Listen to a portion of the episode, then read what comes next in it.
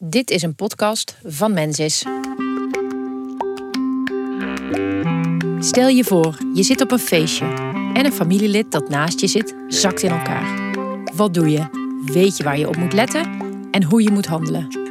Ik ben Kim en in deze aflevering zoek ik het voor je uit. Deze week levensreddende tips. In mijn zoektocht naar antwoorden ga ik op bezoek bij Richard. Hij is al 18 jaar ambulanceverpleegkundige, reanimatieleider en hij geeft ook reanimatiecursussen. Reanimaties komen in zijn werk dus regelmatig voor. Ik vraag hem naar een verhaal wat hem is bijgebleven en ik krijg er kippenvel van. Het gaat over een reanimatiesetting. eh, en wij komen daar aan en er staat een heel klein meisje van, nou, ik denk vijf, zes jaar, bij de voordeur. En eh, die roept heel hard, ja, mama ligt op de grond en die doet helemaal niks meer. En eh, keurig de voordeur eh, open gedaan, dus zelf 112 eh gebeld. Dus dat was echt heel knap.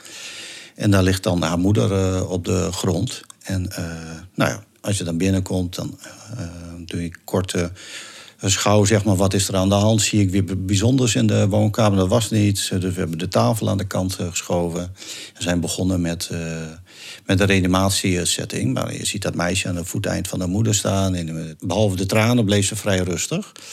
Maar gelukkig hebben we de, deze mevrouw had ventrikelfibrilleren. Bij ventrikelfibrilleren raakt iemand plotseling buiten bewustzijn omdat de hartkamers fibrilleren, oftewel trillen. Maar ze pompen niet. Door een stroomstoot te geven kan het hart zijn ritme herstellen. Eh, Dus dat het hart onregelmatig gaat eh, slaan. Daardoor een reanimatiesetting komt. Die hebben we naar eh, vier keer een schok gegeven. Kwam ze weer bij, zeg maar. Had ze dus eigen hartslag, eigen ademhaling. Dus daar waren we heel blij mee. Naar het ziekenhuis vervoerd. We hebben gezorgd dat de politie eh dat dochtertje meenam. En Je hoort het. Richard redt levens. Ook het leven van deze moeder. En daar wil ik graag wat van leren. Hopelijk jij ook. Weet je bijvoorbeeld wat je moet doen als op dat feestje dat familielid in elkaar zakt? Ik ging naar het treinstation en vroeg mensen op het perron wat zij zouden doen in zo'n situatie. Oh jee, dat is een goede vraag. Ehm, kijken of ik iets kan doen. Eh, kijken wat er aan de hand is. Voelen of er nog een hartslag is. 112 bellen en een pols meten om te kijken hoe het eh, gaat met de bloedsomloop. Ja, afhankelijk van de situatie, hoe erg ernstig het lijkt. eh, kijken of je EHBO kan verlenen, of dat nodig is. En anders eventueel de, eh, 112 bellen. Richard is vast blij met de voorbijgangers die ik tref op het station. Ze ondernemen actie en als er geen ademhaling is, starten ze met reanimeren en bellen ze 112. Maar nu een vraag voor jou als luisteraar. Ken jij het verloop van een hartaanval en zou je de symptomen bij jezelf herkennen? Richard geeft het antwoord. pijn op de borst. Je kunt bijvoorbeeld pijn in je linkerarm eh, krijgen. Of tussen je schouderbladen of richting je kaken. Je kunt daarbij ook nog wat klam zweterig eh, worden. En zelfs eh, misselijk worden. Richard vertelt me dat de klachten hierna kunnen ophouden. Dan hoef je geen 112 te bellen, maar moet je wel naar de huisarts. Als de klachten doorzetten, dus als na vijf minuten nog steeds weer tien minuten.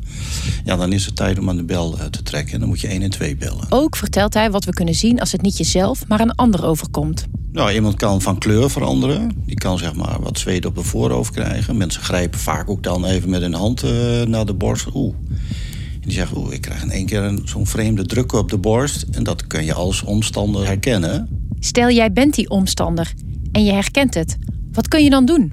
En dan is het mooie vraag van, nou, eh, ben je bekend met hartklachten? Eh want ik zie dat je naar je borst eh, grijpt. en als het dan zo is, dan, ja, dan kun jij als omstander mogelijk ook hulp inroepen. 1 en 2 op dat moment op het feestje is het beste, denk ik. Op de website van de Hartstichting zie ik alle signalen staan die Richard ook noemt. Ook lees ik dat vrouwen vaker wat vagere klachten hebben dan mannen. Vrouwen kunnen net zo goed als mannen ook heel druk op de borst krijgen. Ik voel een olifant op mijn borst zitten. Ik denk aan de moeder uit het verhaal en vraag hoe je een hartinfarct bij vrouwen herkent. Maar vrouwen zijn echt significant anders eh, qua klachtenpatroon. eh, als iemand een infarct aan het doormaken is dan een man. Eh, al, ik ben al langdurig wat heel erg vermoeid. Ik heb wat vage maagklachten. Ik zit algeheel niet lekker in mijn vel. En ja, ik weet niet wat er precies aan de hand is. Maar ik voel me niet helemaal lekker. Maar bij vrouwen is het vaak nog wel eens puzzelen van... hé, hey, wat is er nou aan de hand? En een van de hulpmiddelen die we hebben is een, een ECG kunnen maken. Is een hartfilmpje. En daarop kunnen we dus ook zien dat een vrouw of een persoon mogelijk een hartinfarct aan het doormaken is. Onduidelijke klachten. Zou die moeder die ook hebben gehad? Gelukkig voor haar was haar dochtertje in de buurt en die belde 112.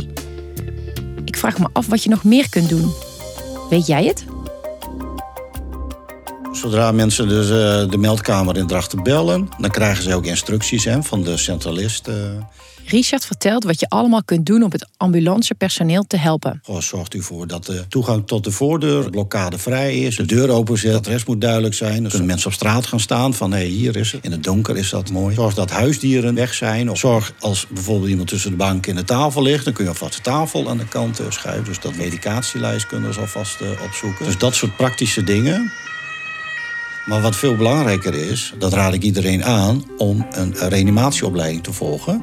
En uh, dat mensen kijken naar de patiënt van... hey, ademt uh, hij of zij nog wel en heeft hij nog een circulatie?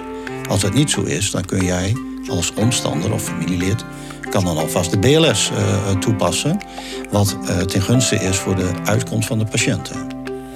BLS staat voor Basic Life Support. Oftewel een reanimatie met borstcompressies en beademing. Ik lees dat in ruim 75% van de situaties omstanders iemand reanimeren voordat de ambulance er is. Richard vertelt me wat er in de tussentijd op de ambulancepost gebeurt.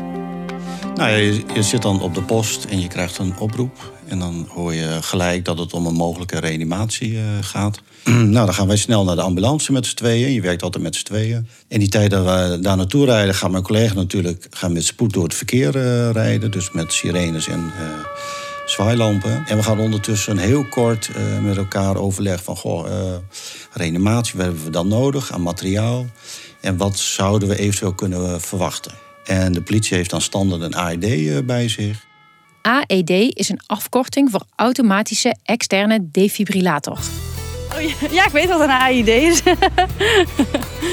ja, ik heb namelijk EHBO gehad. Dus gaven ze ook aan waar, de, waar dat uh, in de buurt was, waar je dan moest, uh, naartoe moest gaan om dat op te halen. En, ja, ze hebben ook laten zien hoe het werkt. En ja, ik moest het zelf ook uitproberen bij een pop dan. dus ja, dat heb ik gezien. Richard vertelt me dat een AED een draagbaar apparaat is dat het hartritme analyseert en kan herstellen met een elektrische schok. Bijna de helft van de mensen met een hartstilstand heeft een schokbaar hartritme. Bijvoorbeeld bij het ventrikelfibrilleren van de moeder uit het verhaal. Ja, dus, ja dat heet VF. Uh, en dat is dus uh, wanneer je het hart een schok kan geven zodat je het hart even stilzet.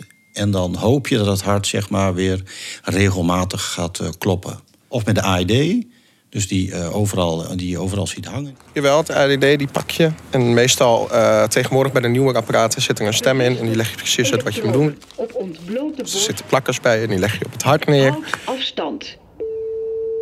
Dan zegt het apparaat 1, 2, 3 los. En dan druk. Geeft hij een stroomstoot in de hoop dat hij dan weer wakker wordt, als het ware. Of dat er iets gebeurt, in ieder geval iets positiefs gebeurt. De overlevingskans bij een hartstilstand is het grootst als je direct begint met reanimeren. Als daarna de ambulance komt, gaan ze als volgt te werk. En dan meestal de eerste auto die aankomt, uh, die neemt zeg maar uh, de leiding. En als we binnenkomen, dan ga je heel kort even de ruimte screenen. Uh, dan komt straks nog een ambulance. Eh, de traumaheli kan je er ook nog bij roepen. Daarna ga jij als eerste auto verpleegkundige bij het hoofdeind eh, zitten. En dan ga je proberen een structuur aan te brengen en de reanimatie. Ik stel me zo voor dat het meisje van vijf dit allemaal heeft gezien. En hoewel Richard chef reanimaties is, kan ik me voorstellen dat dit indruk heeft gemaakt. Het is niet zozeer de reanimatie aan zich, maar vaak de omstandigheden die het nou zwaarder maken of bijzonder maken. En ik vond het heel bijzonder dat en het kind zelf 1 en 2 had gebeld en dat ze bij haar moeder uh, blijft. En uh, een paar uur later kwam ik met de volgende patiënt in het ziekenhuis en er zat het kind dus naast haar moeder. Moeder uh, was weer wakker. Nou, die had haar kind in de armen, zeg maar. Nou, dat, dat blijft me dan bij. dat vond ik een heel mooi verhaal. Wil jij nou na het horen van dit verhaal weten wanneer je 112 moet bellen? Ga dan naar hartstichting.nl en doe daar in 5 minuten de spoedcursus. Voor deze aflevering wil ik graag Geke en Richard van Ambulancezorg Groningen bedanken. De achtergrondinformatie haalde ik van hartstichting.nl, een partner van Mensis. Volgende week ga ik naar een ziekenhuis in Ede. Daar zorgen ze er met eten en bewegen voor dat mensen beter herstellen van een darmoperatie. Als je nieuwsgierig bent hoe dat werkt, abonneer je dan op deze podcast door op volg of het plusje te klikken en luister volgende week weer.